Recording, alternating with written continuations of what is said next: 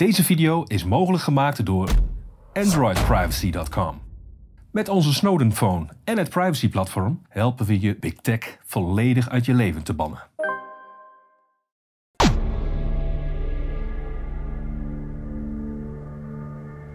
Welkom bij Café Weltschmerz in samenwerking met Viruswaarheid slash Videowaarheid. Vanavond gaan wij het hebben over psychologie, ideologie en beleid. Hi Jeroen. Willem, hi. Ja, het is een heel interessant onderwerp. Ehm, we gaan het hebben over One Health in de eerste plaats. En tweede, het gaan we naar het grotere plaatje kijken, wat eigenlijk een heel schokkend plaatje is, waar ik me de laatste tijd in verdiept heb. Daar komen we straks op. Maar we beginnen met One Health. En wie denk je, aan wie denk jij als je One Health zegt? Ab Osterhaus natuurlijk. Precies, Ja. Ab Osterhaus. En Daar wie nog meer? Eh, Marion Koopmans, Maar ook ehm, van de Erasmus Universiteit hadden we nog een... eh? Ron Fouché zit Ron erbij. Fouché. Ja. Ron Fouché. Ja, daar Heel komen we zo op. Maar eventjes voor de mensen die eh, denken, huh, One Health. Bijna een jaar geleden hebben we hier al een uitzending over gemaakt. Die is toen heel goed bekeken, bijna 100.000 keer. Ehm, dus die staat op videowaarheid.nl. Handig om die eerst eventjes te kijken. Toen zijn we heel erg ingegaan op de ideologie. En wat we nu willen laten zien is eigenlijk de tijdlijn, de psychologie, de beïnvloeding en hoe is het beleid geworden. hè? En hoe hebben ze zich alles geïnfiltreerd, Ja. gepenetreerd? Want waar we het over hebben is een groep dierenartsen Ja. die bezig zijn met de machtsgreep. Dat is, zeg ik dat eh, goed Nou, samengevat? in ieder geval, die dierenartsen zi- zitten op posities waarin ze beleid kunnen bepalen. En deze ideologie wordt gebruikt om eigenlijk een heel ander soort controlemechanisme in werking te stellen. Dus zeg maar, het is, het is het smaakje of het kleurtje. Eh, in, in wezen gaat het over het klinkt allemaal heel mooi natuurlijk. hè? Totalitarisme. One Health, dat Ja. klinkt natuurlijk of fantastisch. technocratie. Ja. Nou, One Health, hè, het heeft drie aspecten. Eh envar- eh, dus milieu, menselijke gezondheid, dierlijke gezondheid. Maar het sluit heel erg aan bij de huidige crisis. Hè? Eigenlijk Ja. eh, kan je die niet los van elkaar Ja. zien. Tussen, tussen de, Het wat hele, het hele climate change en eh zoonose en gezondheidszorg, die horen allemaal bij elkaar. Ja, als we dan in een van die eh, eh, ja, eigenlijk toch wel benchmark artikelen waar eh Ab Osterhaus corresponding author van is, ehm, kijken, dan zien we een beetje welke mensen daar nou zo bij betrokken zijn. En dan wordt de rol van China bijvoorbeeld duidelijker. George Gao, goede vriend van Fauci, dat is de eh, eh, baas van het CDC in China. Maar ook eh, de Duke Medical School uit Singapore speelt een grote rol. Eco Health Alliance, Ab Osterhaus natuurlijk, en die in zijn rol van Hannover. Toen wij gingen samenwerken met eh, Viviana Fischer bijvoorbeeld eh, en nog eh, professor Homburg, die struikelde ook over Ab Osterhaus. Hè, want die kwam- kwamen uit de Universiteit van Hannover. Dus zo kwam het eigenlijk bij elkaar. Ehm, dan hebben we nog de Georgetown University, Erasmus natuurlijk, Johns Hopkins University, Cambridge en Columbia. En dit geeft het basisnetwerk aan van universiteiten die bezig zijn geweest met het implementeren van deze One Health ideologie. Ja, Ehm, dan... Het, ehm, Ja, wat Hier eigenlijk gaat over vaccinatie, hè? Dit ja, dus, een- dus, dus het belangrijke hier, en dan zie je ook eh, hoe Wageningen erbij betrokken is, is van ja, we hebben eh, ehm, antibiotica-resistente bacteriën. En dat komt door slecht gebruik bij mensen en overgebruik bij dieren. Hè. Dus de mensen en de dier, of in ieder geval de veehouder, die moeten schuld krijgen. En wat is nou de oplossing? Is dat we meer gaan testen en meer vaccins gaan gebruiken. En dit, dit geeft heel duidelijk aan van eh, dat technocratische denken. Wij Maar- zijn het fout. Wij zijn fout en we moeten het op deze manier Maar oplossen. wat het ook een, eh, een- zin is die bij mij toch het alarmbellen doet afgaan, is eh, dat het moet benadrukt worden dat vaccinatie niet een stand-alone maatregel is, maar een deel uitmaakt van een integrale benadering, inclusief ehm, veterinaire eh, toezicht. Wat is het? Eh, biosecurity and husbandry practices. eh, feed quality. Het, nou, het gaat hier. eh, Het samenvoegen van al die gebieden. En de mens verantwoordelijk maken daarvoor. Want dat antimicrobiële is belangrijker dan je denkt. Als we gaan kijken naar de filosofie erachter, of de, de bioethics, als het wordt zo wordt genoemd, dan zien we dat denken rond die antimicrobiële uh, of antibiotica-resistentie. Um, dat daar een soort verplaatsing is van verantwoordelijkheid. Dat zien we daar eigenlijk als eerste Me optreden. Ja, mensen worden verantwoordelijk gemaakt daarvoor. Er wordt altijd gezegd dan van ja, je moet je kuurtje afmaken, noem maar op, want anders worden ze resistent. Terwijl in de diervoeders wordt antibiotica op grote schaal gebruikt. En een ander punt, wat hier niet genoemd wordt, eh, met antibiotica valt geen geld te verdienen. Dus al tientallen jaren wordt er niets meer geïnvesteerd in antibiotica. En dat is de het eigenlijke probleem. Dus ook hier komen ze met een oplossing voor een probleem wat een andere oorzaak heeft. Ja. Dan uitdagingen in One Health. Maar dat is de eerste zin, hè? Challenges to One Health. Communicating the values of vaccines, especially to people in advanced countries who have not seen the infections that plague many places in the developing world is another challenge facing scientists and policymakers. Maar nu doen ze alsof dit een challenge is van scientists. Opvallend dat de rol van de wetenschapper politiek wordt.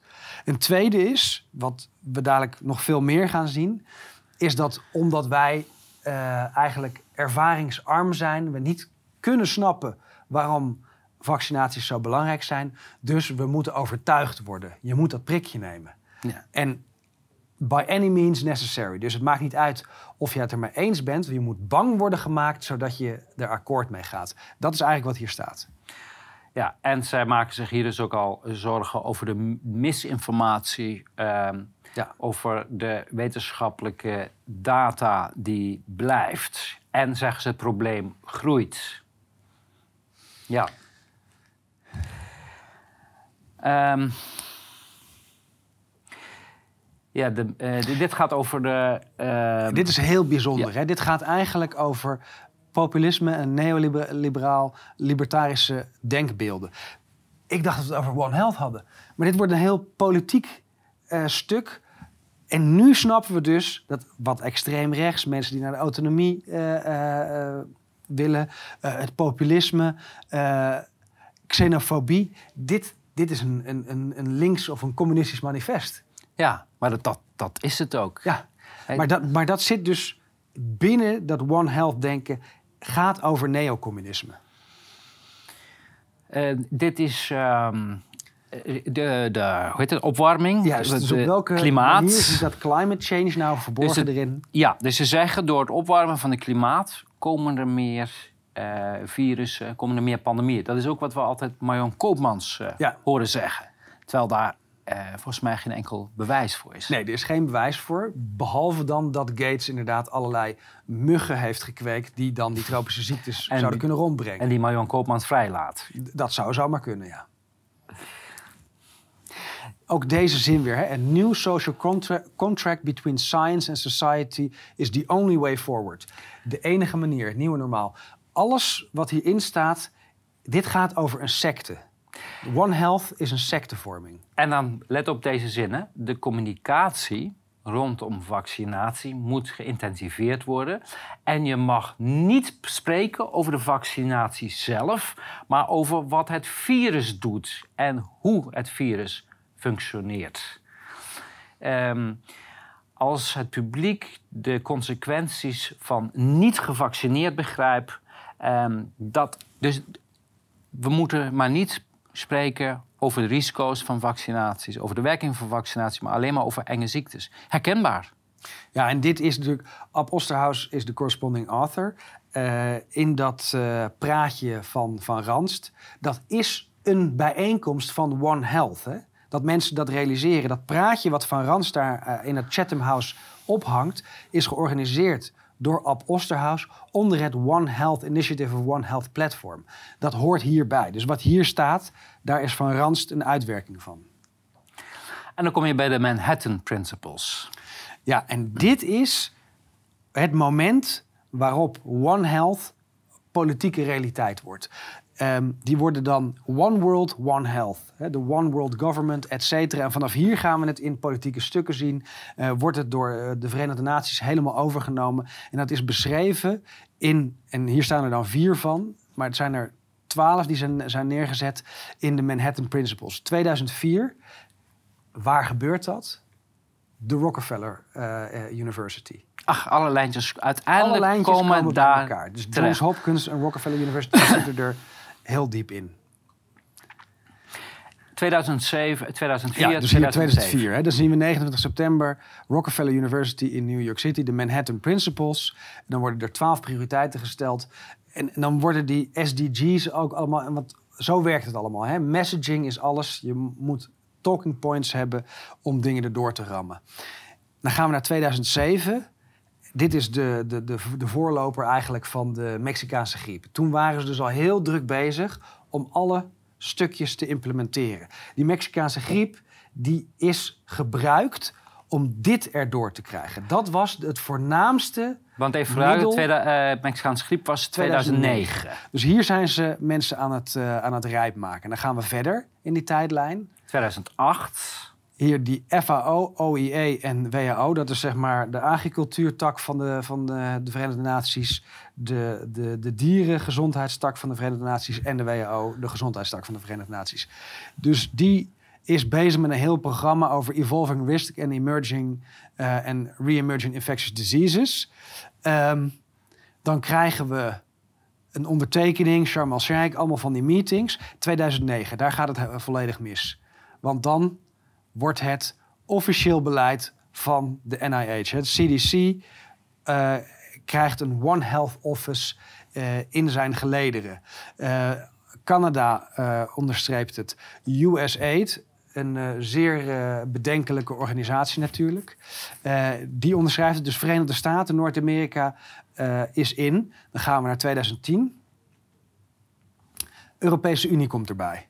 Europese Unie eh, adopteert het als officieel beleid. Ja, en dan zijn bijna alle building blocks eh, liggen er. Dus het, het de Verenigde Staten en eh, de Verenigde Naties en de Europese Unie, die zitten erbij. En ik weet niet of het hier ook nog erbij staat, maar de World Bank is er ook al vanaf het prilste begin bij. Volgens mij Als- was dat de volgende, of niet? Nee, die, die, die zat er al eerder bij. Dus de World ja. Bank zit er dan in. Dit zijn de founding members. World Bank, Verenigde Staten, Europese Unie, Verenigde Naties. Die vier organisaties met alle suborganisaties implementeren het naar aanleiding van de Mexicaanse griep. En wat krijgen we hier dan? Ze zijn dan nog aan, verder aan het gaan. Eh, Australië wordt erbij betrokken. Andere landen worden erbij betrokken. ASEAN komt erbij. Ook interessant, gaan we nog een keer op in. ASEAN, dat is de Zuidoost-Azië-tak. Dus op die manier is Zuidoost-Azië erbij gelapt. En in 2012, dan is het compleet. Dan politiek. komen we bij de... En dan komen we bij Davos One Health Action Plan. Wat is er nou in Davos? Nou, mensen weten het inmiddels. De, World Economic Forum. Dus die is er pas Die is er 2012 pas 2012 bijgekomen, want World Economic Forum is een lobbyorganisatie en een marketingorganisatie. Dus die ideologie die is neergezet als een politiek actieplan in 2004 tot 2010 wordt er gewerkt aan het infiltreren en het overnemen van beleid. Dat is gelukt op het hoogste niveau. En dan wordt er begonnen met de marketing. Die gaat vanaf 2012 lopen. En dan, En dan- zie je ja. bijvoorbeeld 2012 opeens gaan ze zich druk maken.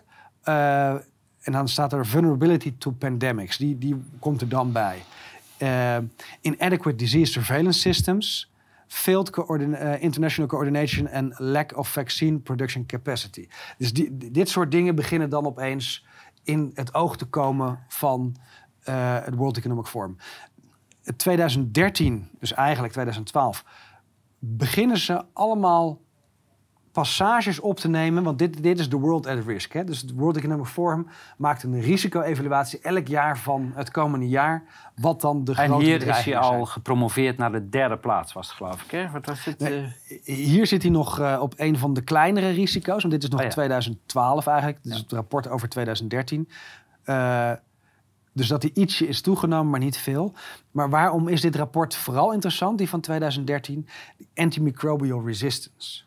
En we hebben net al eventjes aangekaart van dat antimicrobial resistance... dat dat een paradigm shift geeft, of eigenlijk een, een anders denken van eh, medische ethiek. Dat de ander verantwoordelijk wordt gemaakt Ja. voor jouw gezondheid. Gezonde mensen moeten rekening gaan houden. Dat staat, dat staat ook ergens in die stukken. Ja.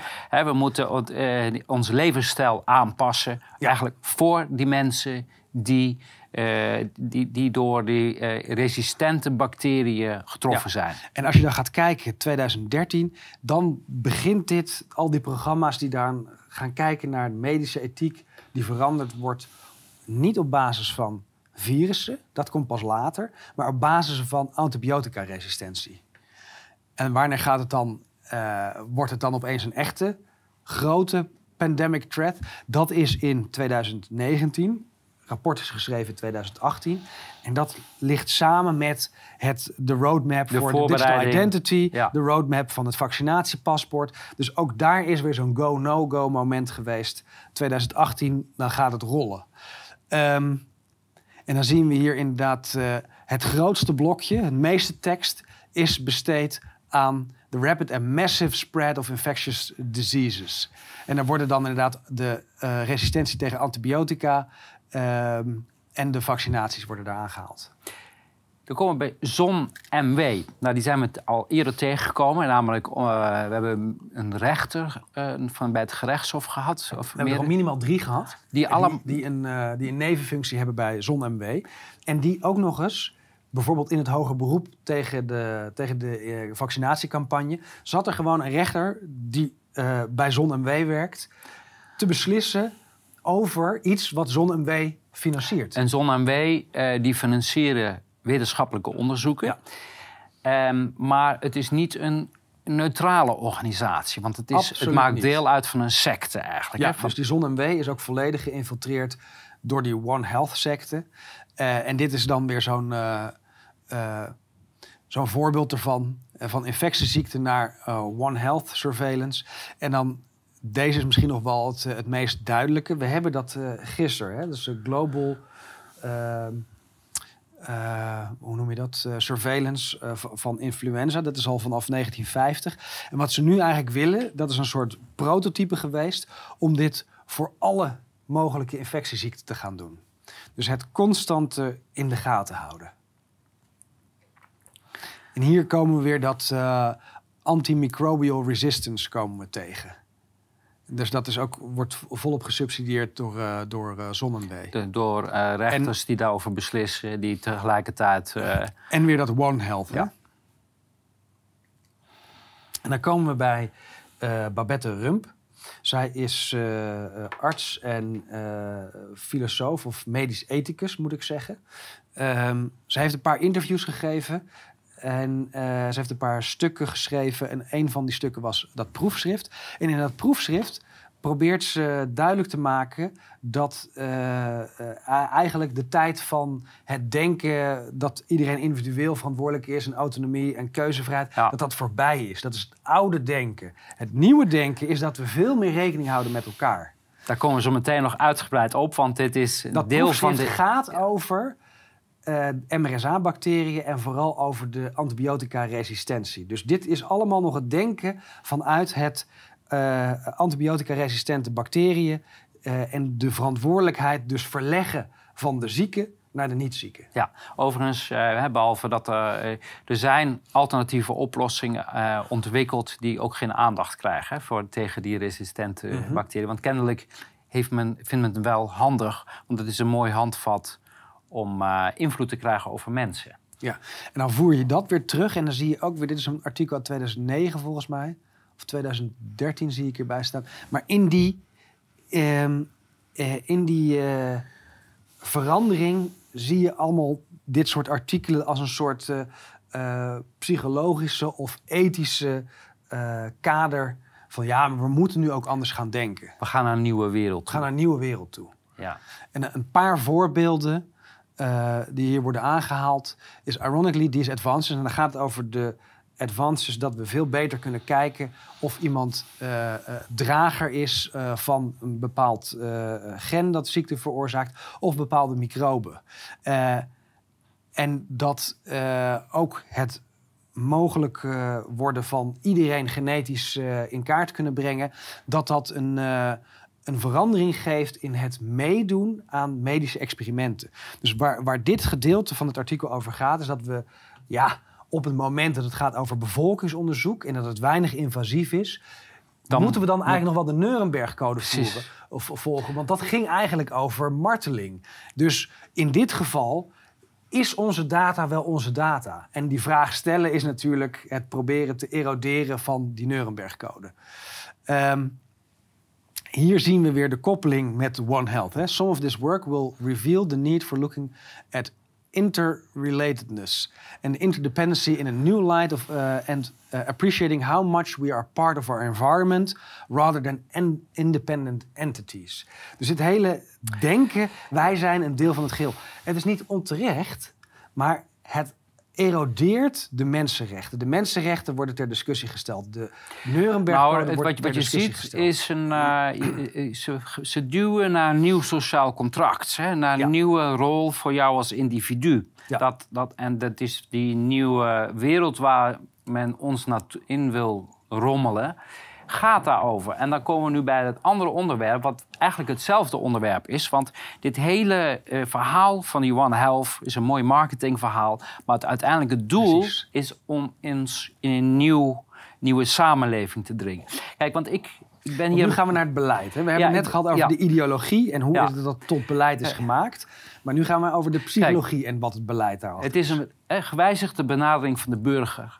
Van zelfbeschikking naar Brave New World. Want ik zat een tijd terug eh, zat te denken van... wat is er nou veranderd de afgelopen 15 jaar? Kijk, vroeger als er politiek of beleid gemaakt werd... gebeurde dat op basis van argumenten. Dat je eh, van, kwam met argumenten, daarom willen we dit gaan doen. Dit zijn de data, dit zijn de cijfers. Als jij nu naar een Kamerdebat eh, kijkt, eh, dan zie jij geen, hoor je geen data, je hoort geen cijfers, je hoort geen argumenten. Je hoort alleen maar emo-praat. Je Een hoort heel mooi voorbeeld hiervan is de toegenomen agressie tegen zorgmedewerkers. De toegenomen agressie is- tegen politieagenten. De- de- eh, de- de- steeds meer. Als op het moment meer, dat je juist. steeds meer gebruikt, weet je, let op, moet je alert worden. Ja. Steeds meer. Want dat is wat ik ook in die rechtszaken de afgelopen tien jaar gezien heb. Eh, je, je ziet geen argumenten en feiten meer. Je ziet sfeerrapportages. Je ziet een beeld wat neergezet wordt. Die, het verweer van, eh, van de overheden is meestal bestaat uit 90% uit plaatjes. Kijk hoe erg het is. Zonder op mijn argumenten in te gaan. Terwijl in de rechtszaal zou het moeten gaan over juridische argumenten. Daar gaat het al lang niet meer over. Eh, bij de rechtspraak bijvoorbeeld houdt het RIEK, waar we het vaak over gehad hebben, het Regionaal Informatie Expertisecentrum, die houden daar ehm, presentaties. Maar ook bij de gemeenteraad. Dat betekent, op het moment dat ik met mijn argumenten kom, en dat zullen we zo laten zien hoe dat werkt, dan hoort niemand mijn argumenten. Bijvoorbeeld, men laat een paar beelden zien van caravans, staakcaravans, hoe Dus verschrikkelijk eigenlijk worden mensen in een bepaalde emotionele staat ge- geduwd. Ze worden geprimed Ja. met een beeld. Als ik daarna vertel dat van die staakcaravans... dat daar maar bij 15% een mankement aangetroffen is... in de zin van eh, woning met eh 1A of 1B... dat kan ook een heel klein dingetje zijn. 85% was in orde. Dat hoort geen rechter meer op het moment dat ze geprimed zijn. En daar komen nu... Hoe is dit ontstaan? Wat is de psychologie erachter? En hoe vooral is die, zijn die psychologische technieken in de politiek gekomen? Ik heb verschillende psychiaters gebeld en psychologen van of zij daar antwoord op wisten. Vond het een hele interessante vraag, maar niemand kon een vinger erop leggen. Ik ben op onderzoek uitgegaan en ik heb toch een paar aanknopingspunten gevonden. Ehm, dit is eigenlijk waar het eh, in, in een stroomversnelling is gekomen. Dat is namelijk een, een, een boek dat heette Nudges. En Ja, Public Policy Nudges. The Government as Choice Architect. En dat is Richard Ta- Taylor. Die heeft ook een Nobelprijs eh, gekregen. Ehm, vanaf 2005 zijn er bij vijf ministeries waren er al gedragswetenschappers in dienst, gedragsexperts. In 2008 is dit boek gepresenteerd. En toen is er een stroomversnelling gekomen en zijn eigenlijk alle capabele eh, ambtenaren zijn vervangen door PR-medewerkers of door psychologen, Dit, dit gedragswetenschappers. loopt echt parallel aan die One Health sect die die infiltreert. Hè? Vervolgens, 2009, heeft de eh, Wetenschappelijke Raad voor het Regeringsbeleid... die hebben een lezing, eh, die ze jaarlijks doen... hebben Richard Taylor een lezing laten geven. En ehm, dit gaat over het gebruik van psychologie in de politiek en in het beleid. De overheid, dit is de lecture, hè, 2009. De overheid als eh, keuzearchitect. Dat betekent... degene die, die de keuze eh, of die de vraag neerlegt, die kan dus heel goed sturen. Nou, het, het is zo, we, en, en dat wordt zometeen duidelijk af wat, wat we vertellen. Wij worden als willoze wezens beschouwd. Aan wie je niet meer argumenten hoeft te geven. Je hoeft ze alleen nog maar in een bepaalde emotionele st of, eh, staat te brengen. Eh, en dan gaan ze. Wij weten wat goed voor jou is. En daarna gaan wij zorgen dat jij daarvan overtuigd bent door psychologische trucs te Ik pak gebruiken. hem even terug naar dat One Health. Er werd dus, het moet niet over vaccins worden gesproken, ondanks dat dat het doel is. Je moet bang hoe- gemaakt worden. Je moet bang gemaakt worden over de ziekte, want dan neem je dat vaccin wel, want dat is goed voor jou. Ja. En, en die, die, dat kortslaan van de discussie weg bij argumenten en naar de emotie gaan, zodat de uitkomst die van tevoren bepaald is ge- eh, eh, eh, verkregen wordt, daar gaat dit psychologisch spelletje over. Hoe mensen keuzes maken. Dit is een boek dat is uitgegeven door de Wetenschappelijke Raad voor het Regeringsbeleid. En het is een soort, ehm, hoe zeg je, een handboek. Kijk, er staan geen kant-en-klare toepassingen in, maar er staat wel in van. eh, het, het, het vergt wat werk, eh, zelfwerkzaamheid. Maar het is heel duidelijk, die trucs die ze hierin vertellen, de zwakheden van ons brein, eh, kijk, dat, dat is een, een, een, eh, een, een tak van wetenschap die de afgelopen 15 jaar eh, enorme hoogvlucht heeft gekregen. Ik kan me herinneren, ik ken je dat boek van Kahneman? Dat, nou ja, die, die schrijven daar al, al dat, is, dat is een van de eerste die over ons brein. Hoe werkt ons brein nou eigenlijk? Dit boek maakt het mogelijk voor beleidsmakers en voor politici om de zwakheden in ons brein te misbruiken. Zodat je geen argumenten meer hoeft te geven. Je hoeft alleen maar een paar trucs te weten. De eerste is priming. Het tweede is maak van je verhaal een morele, eh, een morele kwestie.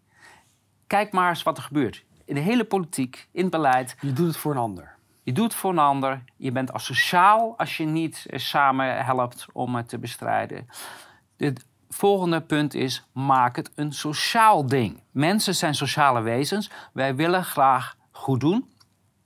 En als je op dat knopje drukt, kan je ook een hele hoop bewerkstelligen. Ja, dat is dat virtue signaling. Dan de volgende is, die heel veel gebruik ik, ik vat ze even kort samen, is ehm, de angst tot sociale uitsluiting. Op de angst voor sociale uitsluiting, dat is echt een, een angst die zit heel diep in ons DNA. Waarom? Wij konden vroeger niet overleven eh, in ons eentje. We waren afhankelijk van een groep om te overleven. Dus uitsluiting was het ergste, was als een doodsvonnis. Op het moment dat jij uitgesloten wordt, dan, of het gevoel krijgt, dan voel jij je echt pijn. Voel je. Dat, is, dat hebben ze ook aangetoond. Het is hetzelfde als fysieke Ja, pijn. dat zijn echt primitieve eh, doodsangsten. Ja, en kijk naar het beleid wat we de afgelopen jaren zien. Kijk naar de mondkapjes, noem maar op. Bang om er niet bij te horen, bang om uitgesloten te worden. In die winkel durf je niet zonder mondkapje op. Niet omdat je een mondkapje wil dragen, niet omdat je denkt dat het helpt. Nee, je bent bang dat je er niet meer bij hoort, dat je uit de groep gestoten wordt. Eerste, priming. Daar hebben we het net al over gehad. Een hele belangrijke. Je gaat plaatjes, je gaat beelden in mensen hun hoofd planten. Ja. Op moment En dit is om ze in een emotionele staat te krijgen. Hè? Dus dit is eigenlijk subliminal messaging. Nou, je hebt twee vormen. Hè. Het kan subliminal, dat betekent dat je het ongemerkt gebeurt. Het is in Nederland verboden, staat in het boek, Ja. eh, deze vorm, omdat het gebeurt ongemerkt. Dat is, de bekendste voorbeeld is bijvoorbeeld in films dat ze heel kort een flash laten zien die jij niet bewust oppikt. Maar het is bewezen dat daarmee ben jij al geprimd. Onderbewust beïnvloedt jouw, eh, wordt jouw keuze daarmee beïnvloed. Ehm, dit is, eh, dit, dit, dit, dit is minister, een uitspraak van minister eh, Klink. Die, die was bij die lezing ook in eh, 2009. Hij was destijds eh, De minister. minister van VWS. Volks- en hij is ook verantwoordelijk geweest voor, Voor- het implementeren van de internationale gezondheidsregelingen.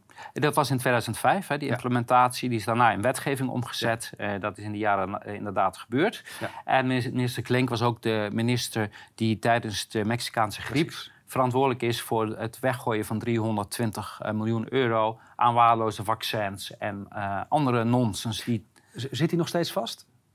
eh, Ik, ik geloof niet dat hij ooit is aangehouden. Dus eh, net als eh, de mensen die nu nog steeds daar zitten. Ehm, maar wat was, waarom laat ik dit zien? Ehm, dat, de, de, daarin, hij neemt, de daarin neergelegde bevinding, het gaat over WRR-verkenning, dat de houding van de burger ten opzichte van de overheid meer wordt bepaald door de manier waarop de burger zich behandeld voelt dan door de uitkomst van de behandeling. Wat staat er nou eigenlijk, eh, Willem? Feel good. En dit is precies wat customer eh, eh, service doet. Ze lossen je probleem niet op. Ze staan je alleen te woord en geven je het gevoel dat je ertoe doet. En dus dit gaat ook weer puur over de beleving en, het, en de emotie in plaats van de Dus, argumenten. eh, vergelijk het met een koe die naar de slagbank gaat. Die geeft je wat, eh, wat hooi en die geeft je een aaitje op zijn hoofd... en het idee dat alles goed is en dan krijgt hij een knal door zijn kop. Dat, eh, dit staat ongeveer, toch? Bijna, dat zou je eruit kunnen halen, ja. Ehm, dit boek, wat we net lieten zien, wa- wat is de kern van het boek? De kern van het boek is dat ze stellen eh, de vraag... bestaat de eh, vrije wil eigenlijk wel? En let op, hè, dat, dat heeft heel vergaande implicaties. Als het menselijk gedrag niet het gevolg is van bewuste keuzes, maar enkel het resultaat van onderbewuste processen, waarom zou de overheid dan nog pogingen doen om burgers met argumenten tot andere keuzes te bewegen? Nou, die vraag hebben we tien jaar later inmiddels beantwoord. Eh, inderdaad, we hoeven geen argumenten meer, we hoeven alleen nog maar mensen te sturen. Psych- met psychische... E- eventjes, eventjes weer uitzoomend. De, de is. Hè. Hier- wordt een, een stelling geponeerd van als het een bewezen is, dan is het ander. Maar dat is totale onzin. De taak van de overheid is niet afhankelijk van of mensen wel of niet bewust keuzes maken. Nee. hè. Dus de, de- er worden hier heel geniepig allerlei aannames die leiden tot een bepaald doel. Namelijk, de overheid hoeft geen rekening te houden met de belangen van de burger. Maar het is ook een, de, de houding die hierin doorspiegelt... alsof de overheid zelf niet uit mensen zou bestaan... die met dezelfde defecten in hun brein eh, werken. Dus die overtuigingen die zij hebben... dat is het resultaat van een, eh, een bewuste eh, eh, keuzestructuur. Ja. Maar de, het gepeupel, die Maar- kan dat niet. Want Maar dat dit is als een soort typisch- vee. Er zijn heel wat onderzoeken al geweest. Als je mensen vraagt van ja, zij zelf kunnen wel met die vrijheid omgaan, maar de buurman niet hoor. Wij weten, te wat, dom. wij weten wat goed voor jou is. Ja. Dus wij hoeven jou niet meer te overtuigen. Wij gaan je gewoon manipuleren, zodat jij meegaat in onze ideeën. En dan komen we bij deze uitspraak. Dat komt gewoon uit het boek voor, eh, van eh, de WRR. En hoe valt democratie eigenlijk nog te verdedigen? Dus die staatsvorm is gebaseerd op het idee van zelfbeschikking en de veronderstelling dat burgers ook anders hadden kunnen kiezen. Als de vrije wil echter niet bestaat, resteert er feitelijk geen enkel argument tegen een brave new world waarin hersenwetenschappers bepalen hoe het land bestuurd moet worden. En kijk eens aan, tien jaar later. Nou ja, het zijn geen hersenwetenschappers. eh, het zijn eigenlijk geen wetenschappers. Maar wat hier natuurlijk staat is de technocratie. Hè? De Brave New Ja. World, dat is het summum van technocratie. Ehm, de, de oplossing die de artificial intelligence of de wetenschap aandraagt, hoeft niet beargumenteerd te worden, want dan verlies je heel veel moeite. De mens is een emotioneel wezen, die stemt regelmatig tegen zijn eigen belangen, die moet je daarvoor behoeden. Dus verzorg hem goed, maar luister niet naar. Dus, dat staat er. al- dus als politicus hoef je alleen nog maar dat boek te lezen. Je moet die psychologische trucs kennen. En dan kom je bijvoorbeeld op het moment dat Gideon aan, eh, of, of, of Baudet aan eh, de jonge, eh, Hugo de Jonge vraagt van mogen wij de ziekenhuiscijfers of andere data vraagt. En dan krijg je dat van Of, of van hoe durf je het in twijfel te trekken? Hè? De- Ja. Weer moreel, weer dus moreel maken. moreel maken. Hè? Of de andere is, eh, ja, maar jullie zouden dat verkeerd interpreteren. En dat Precies. gaat ook weer hier over van, ja, maar jullie, gaan daar te emotioneel mee om. Precies. Laat het nou over aan de wetenschappers. En dan valt niemand meer op, door het emotioneel te maken, dat die informatie niet gegeven wordt. Hè? Ja. Dus je triggert. Kijk, en want dat staat ook in dat boek, eh, vond ik heel interessant. Een morele kwestie, die sluit het, de redenatie, de voorafgaande redenering, die wordt daarmee uitgesloten. Je re- redenering valt weg. En die kunnen we verder trekken nog, voor de mensen die eh Filemon en de complotten hebben gezien. Een van de technieken die hij daar toepast, en er wordt natuurlijk heel veel geknipt en geplakt, maar eh, wat meerdere journalisten of mensen in de media doen, ze stellen een vraag geven daarna hun morele oordeel. En dan moet jij je gaan verweren tegen dat morele oordeel. Want die vraag is alweer uit, uh, uit de gedachte, hè, omdat dat daarvoor is gebeurd.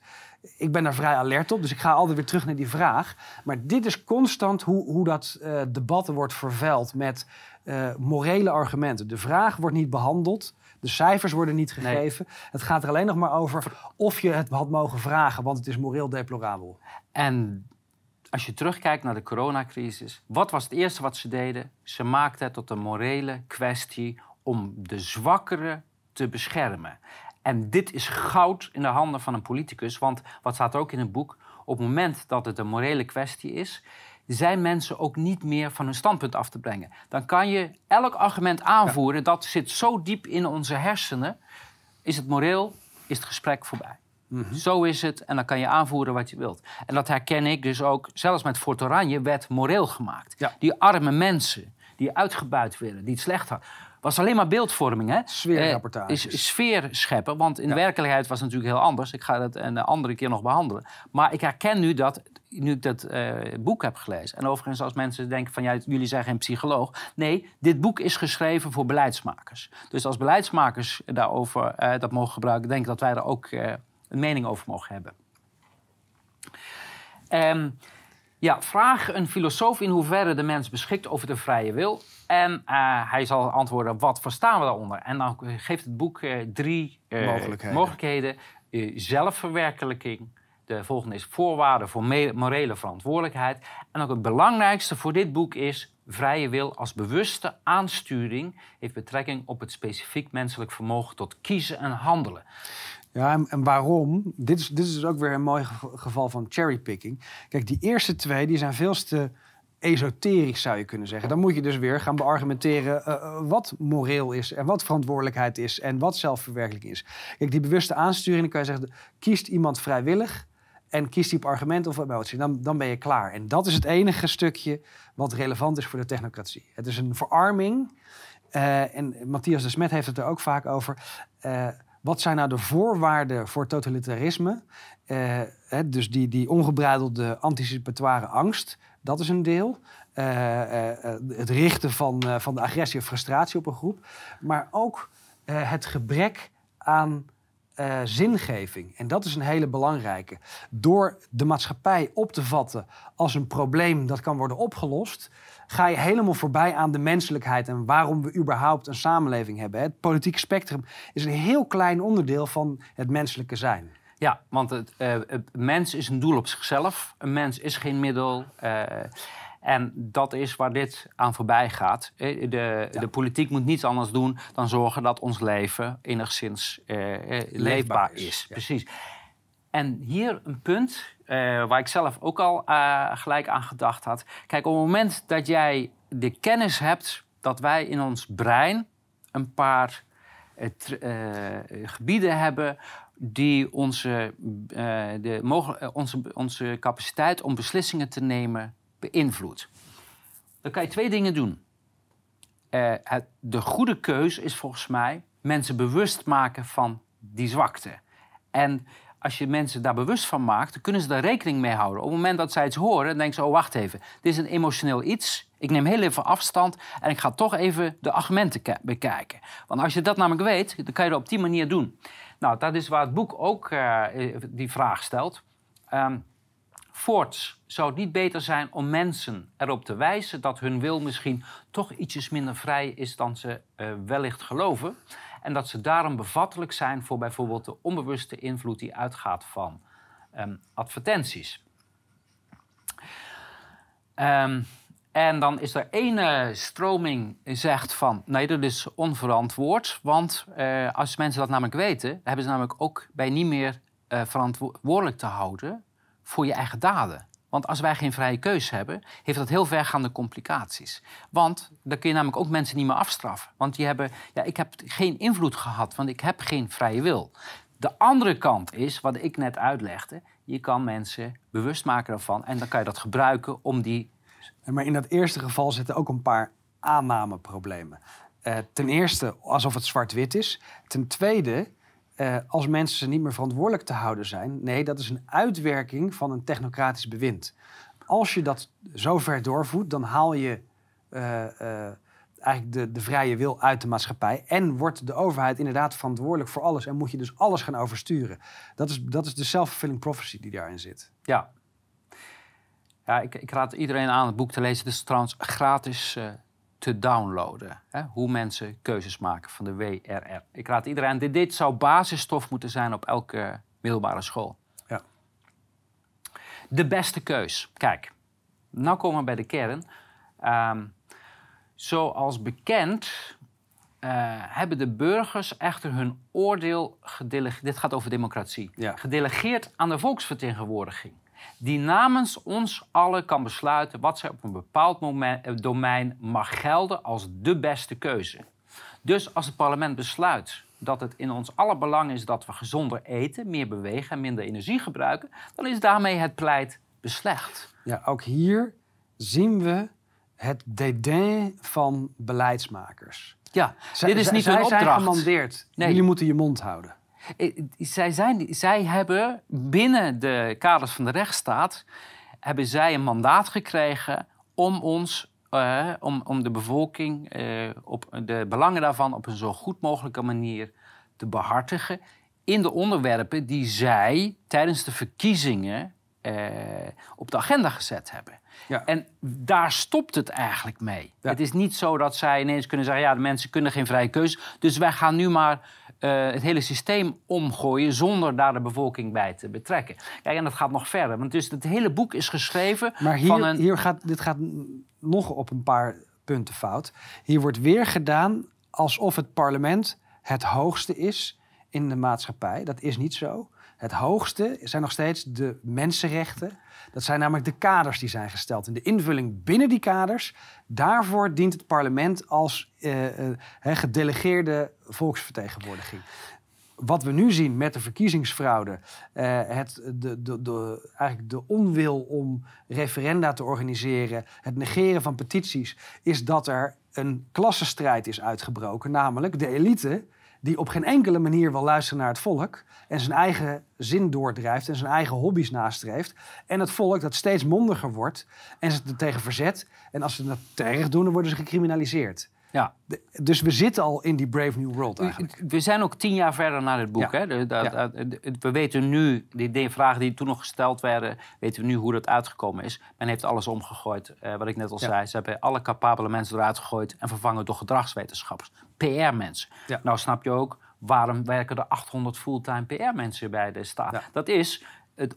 Messaging. ja, marketing. eh, dat is het neerzetten van precies de beelden Ja. die, eh, die de bevolking nodig heeft om, te, om de ideeën van deze mensen, van deze secte te volgen. Kijk, de volgende zin wil ik nog even, eh, want dat laat ook zien vanuit welke houding dit boek is geschreven. Dit boek is, ik zie dit echt als een eerste aanzet tot de situatie waar wij nu in zitten. Daar staat er vervolgens, aan, als het parlement besluit dat gewenst is dat de overheid zich op die gebieden met het keuzegedrag van burgers gaat bemoeien, dan zij het zo. Dan is dat wat wij als politieke gemeenschap willen. Het gaat alleen nog om de vraag welke instrumenten de overheid daarvoor mag inzetten en hoe ver zij in de bemoeienis mag gaan. Dus het negeert de grondwet en internationale verdragen en mensenrechten volledig. Hè? Het maakt alles. Ja, eh, wij worden, Plastisch. wij worden V. Ja, En dat is mooi, dat sluit aan bij die One Health, want dat Ja. zijn veeartsen. precies. Dus, eh, en we worden nu, want vee wordt ook gemanipuleerd. Ja. Ehm, de relevante vraag is dus niet of we wel of niet worden beïnvloed, eh, eh, wordt beïnvloed, maar welke vorm en welke mate de voorkeur heeft dan wel acceptabel is. We moeten voorkomen, let op hè, dat is altijd zo leuk, dat is die double speech hè. We moeten voorkomen dat de overheid kan afglijden naar kwalijke vormen van manipulatie. Het doel heiligt niet de middelen. In theorie is het denkbaar dat sommige vormen van mani- manipulatie via strategie 1, ik zal even kort zeggen, strategie 1 is het automatische brein, hè, dus niet het bewuste. Want ehm, nog één opmerking hierover, dat is wel interessant. Kijk, je, eh, je hebt twee denkprocessen. Eerste is het onderbewuste. Dus dat betekent dat heel veel, de, meeste beslissingen worden gelijk genomen. Hè? Intuïtief, eh, gewoon zonder na te denken. De tweede weg is eh, zelfcontrole, is eh, keuzes maken op een bewuste manier. Dat kost heel veel energie. Dus die eerste die gaat altijd voor. En dat weten ze. Dus Wat doe je om die tweede te omzeilen? Is zorg dat je alle trucs gebruikt voor die Om eerste. die eerste te activeren. En ik wil er nog één. eh, Oh, daar komen we zo, nee, daar komen we zo nog op. Dat is anders uh, lopen een beetje erop vooruit. Um, en dan noemen ze als voorbeeld uh, dat zij in zichzelf dus moreel onaanvaardbaar zijn. Een voorbeeld is subliminale beïnvloeding. Subliminale beïnvloeding is wat ik net noemde, dat ja. je het ongemerkt gebeurt. Ja, maar eigenlijk Hè, de, de, de Ali B's en anderhalve meters, eh, de boefjes, de Femke Louise's, die heel veel geld hebben aangenomen ja. om dat soort Zonder dat er een sticker op stond. Precies. Let op, dit is propaganda. Ja.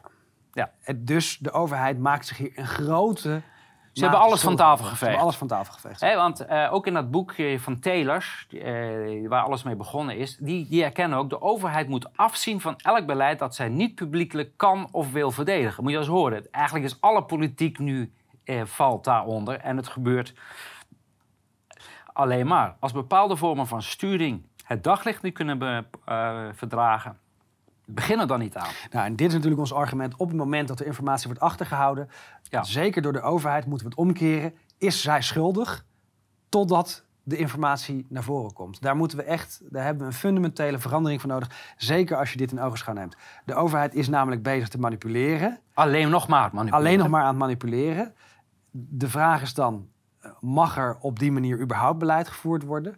Maar wat absoluut altijd boven water moet zijn, het moet controleerbaar zijn. En daar, daar Transparant. We, we, moeten weten wat gebeurt er. Ja. Kijk, want nu hebben we een paar blokken. Hè. We hebben de media, die onderdeel ja. uitmaken van deze machine die ons manipuleert. We hebben de, de politiek en de wetenschap. Ja. En allemaal... En de rechtspraak. En daarom hebben we daar zo op gefocust.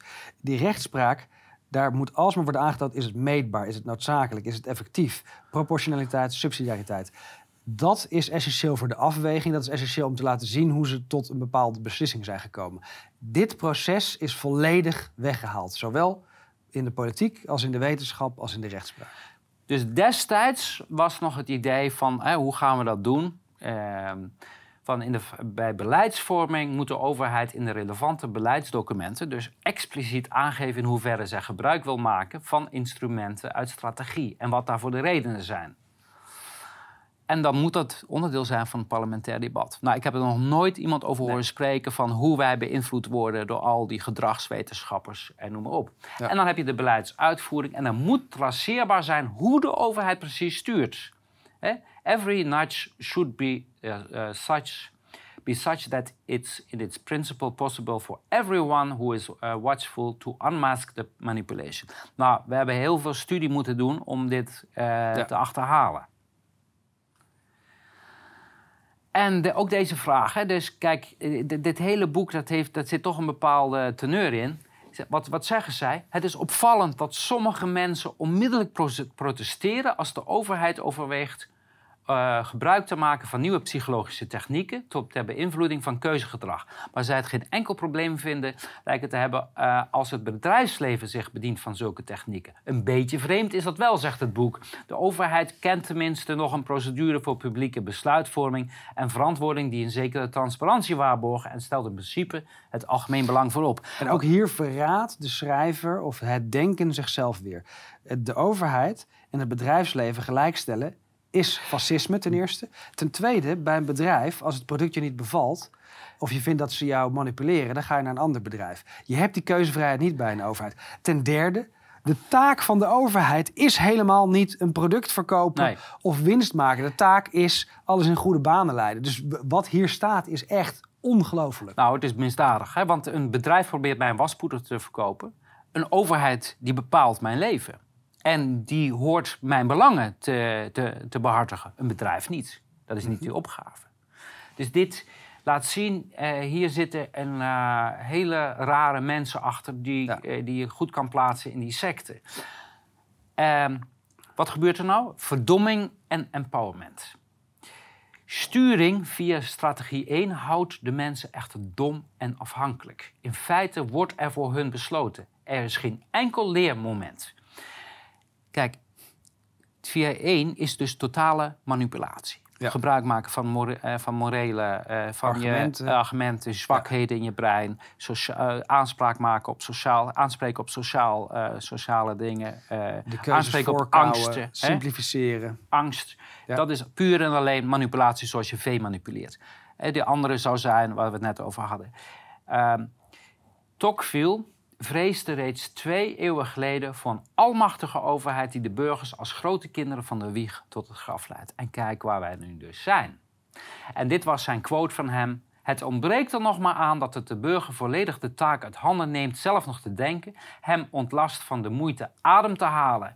Zodoende wordt het inzetten van eigen oordeelskracht op den duur een nutteloze en telkens zeldzamer voorkomende bezigheid. De rijkwijde van de individuele wilskracht raakt telkens minder ver. En ieder beschikt tenslotte ten nauwe nood over de eigen persoon. Nou, ik vind het wel heel erg kenbaar. Dit is echt het reductionisme van de mens. Ja. En ehm, ja, wie zijn fantasie eenmaal op gang heeft gebracht, kan een schier eindeloze lijst verzinnen van mentale technieken, strategieën en interactievormen die helpen om minder slaaf te zijn van eerste impulsen en beter keuzes te maken. Ehm, de overheid zou burgers hier wellicht bij kunnen helpen, bijvoorbeeld door hun gelegenheid tot bijscholing in deze technieken te bieden. Dat is wat ik net zei. Dit zou stof moeten zijn op elke middelbare school. Maar het tegendeel is gebeurd. Men heeft het... Ik weet nog, tijdens mijn studie, denk ik uh, tweede of derde jaar, dat ik uh, aankaartte van hé, hey, maar waarom is er eigenlijk niet een soort brugjaar op de universiteit waar je de wetenschappelijke methode, de wetenschapsfilosofie, überhaupt uh, zingeving bijgebracht krijgt? het tegenovergestelde is gebeurd. Het moest alsmaar korter en nauwer. universiteiten zijn in een HBO uh, verandert. Waarbij je wordt opgeleid om dat specifieke taakje te doen. Vooral niet buiten je vakgebied kijken. Dat is het. En kijk, je kunstje doen. Mensen, intelligente mensen, die moeten verbanden kunnen zien tussen het geheel. En dat kan je alleen maar doordat je op verschillende vakgebieden kennis hebt. Uh, ik zie dat al jaren, ook bij universiteiten, bij die nu, uh, juristen die nu van de universiteit afkomen. Dat kan je eigenlijk niet meer vergelijken met juristen die 20, 30 jaar geleden van de universiteit afkomen. Die hebben een trucje geleerd, die kunnen het trucje toepassen, maar het grotere geheel, de gedachten erachter, hoe is dat tot stand gekomen, is steeds, daar steeds minder uh, aandacht aan besteed. En zonder die informatie kan je het... En nu krijg je dus een self-fulfilling prophecy. Want die mensen, dat zijn de mensen die dit soort beleid aan het implementeren zijn. Dus vanuit hun optiek is de mens te dom om zelf te kiezen. Ondertussen zijn zij onderdeel van die domme mens... die alsmaar verder versimplificeerd ja. infographics gebruikt, modellen gebruikt... Uh, het leuk en en, en, en uh, speels maakt.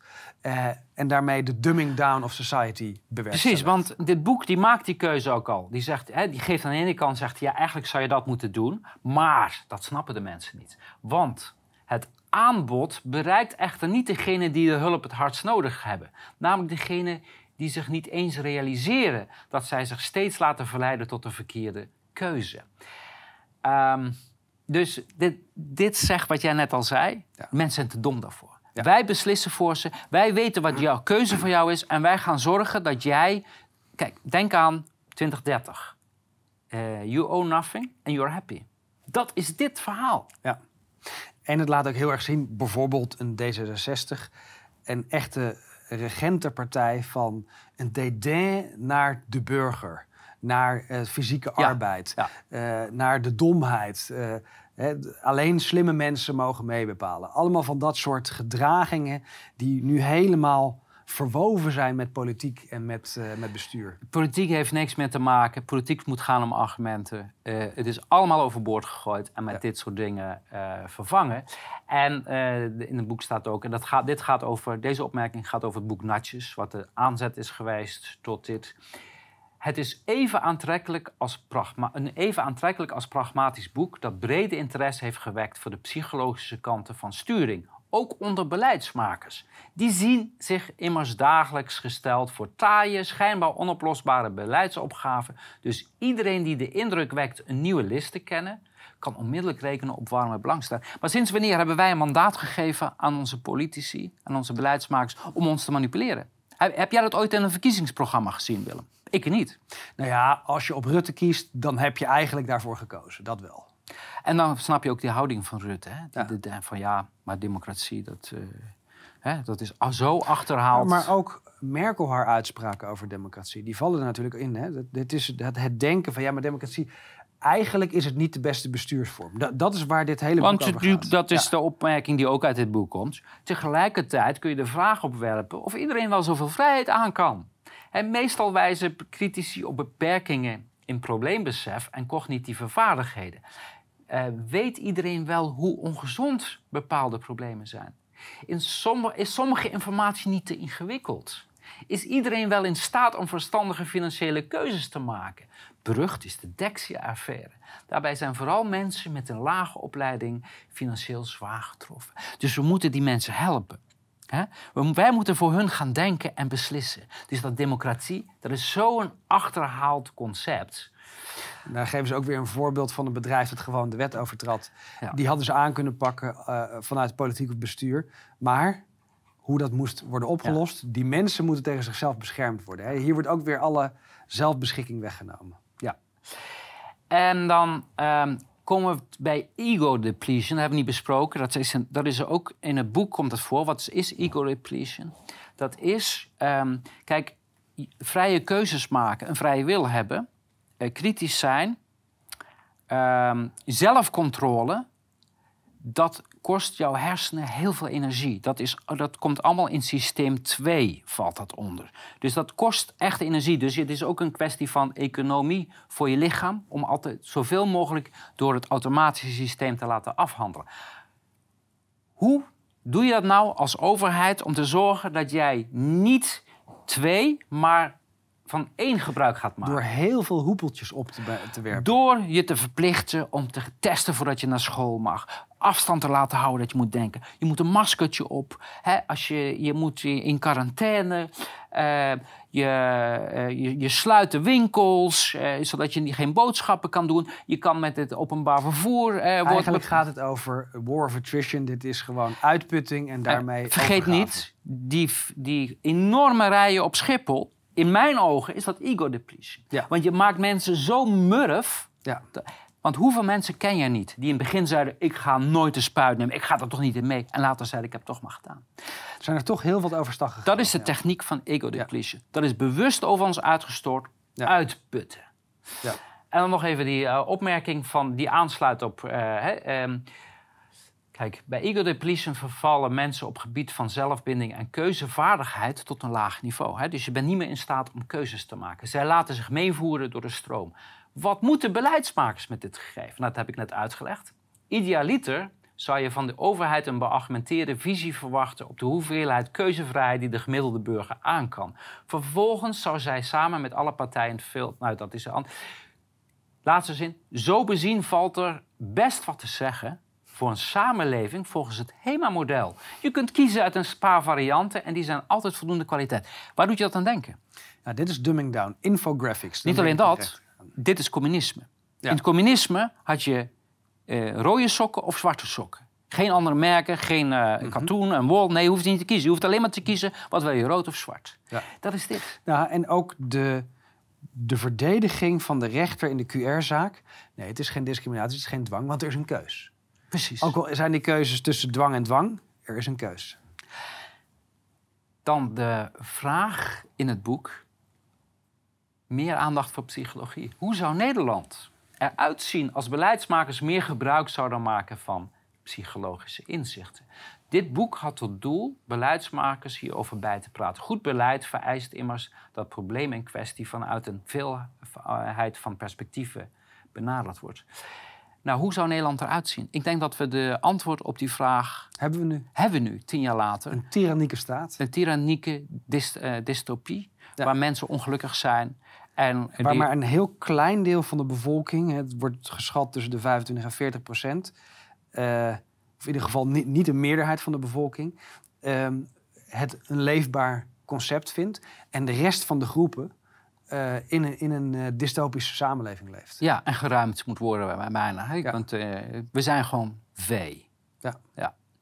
Dus laten we afsluiten met deze weinig vrolijke conclusie. Maar we gaan komende tijd hier veel meer aandacht aan besteden. Want dit is het, de kern, dit is waar het om gaat. Ja, en wat er helemaal in het begin is besproken, in dat One Health stuk, dat, dat populisme, liberalisme, eigenlijk eh, dat libertariërs, de grote angst voor het communisme is dat mensen autonoom worden.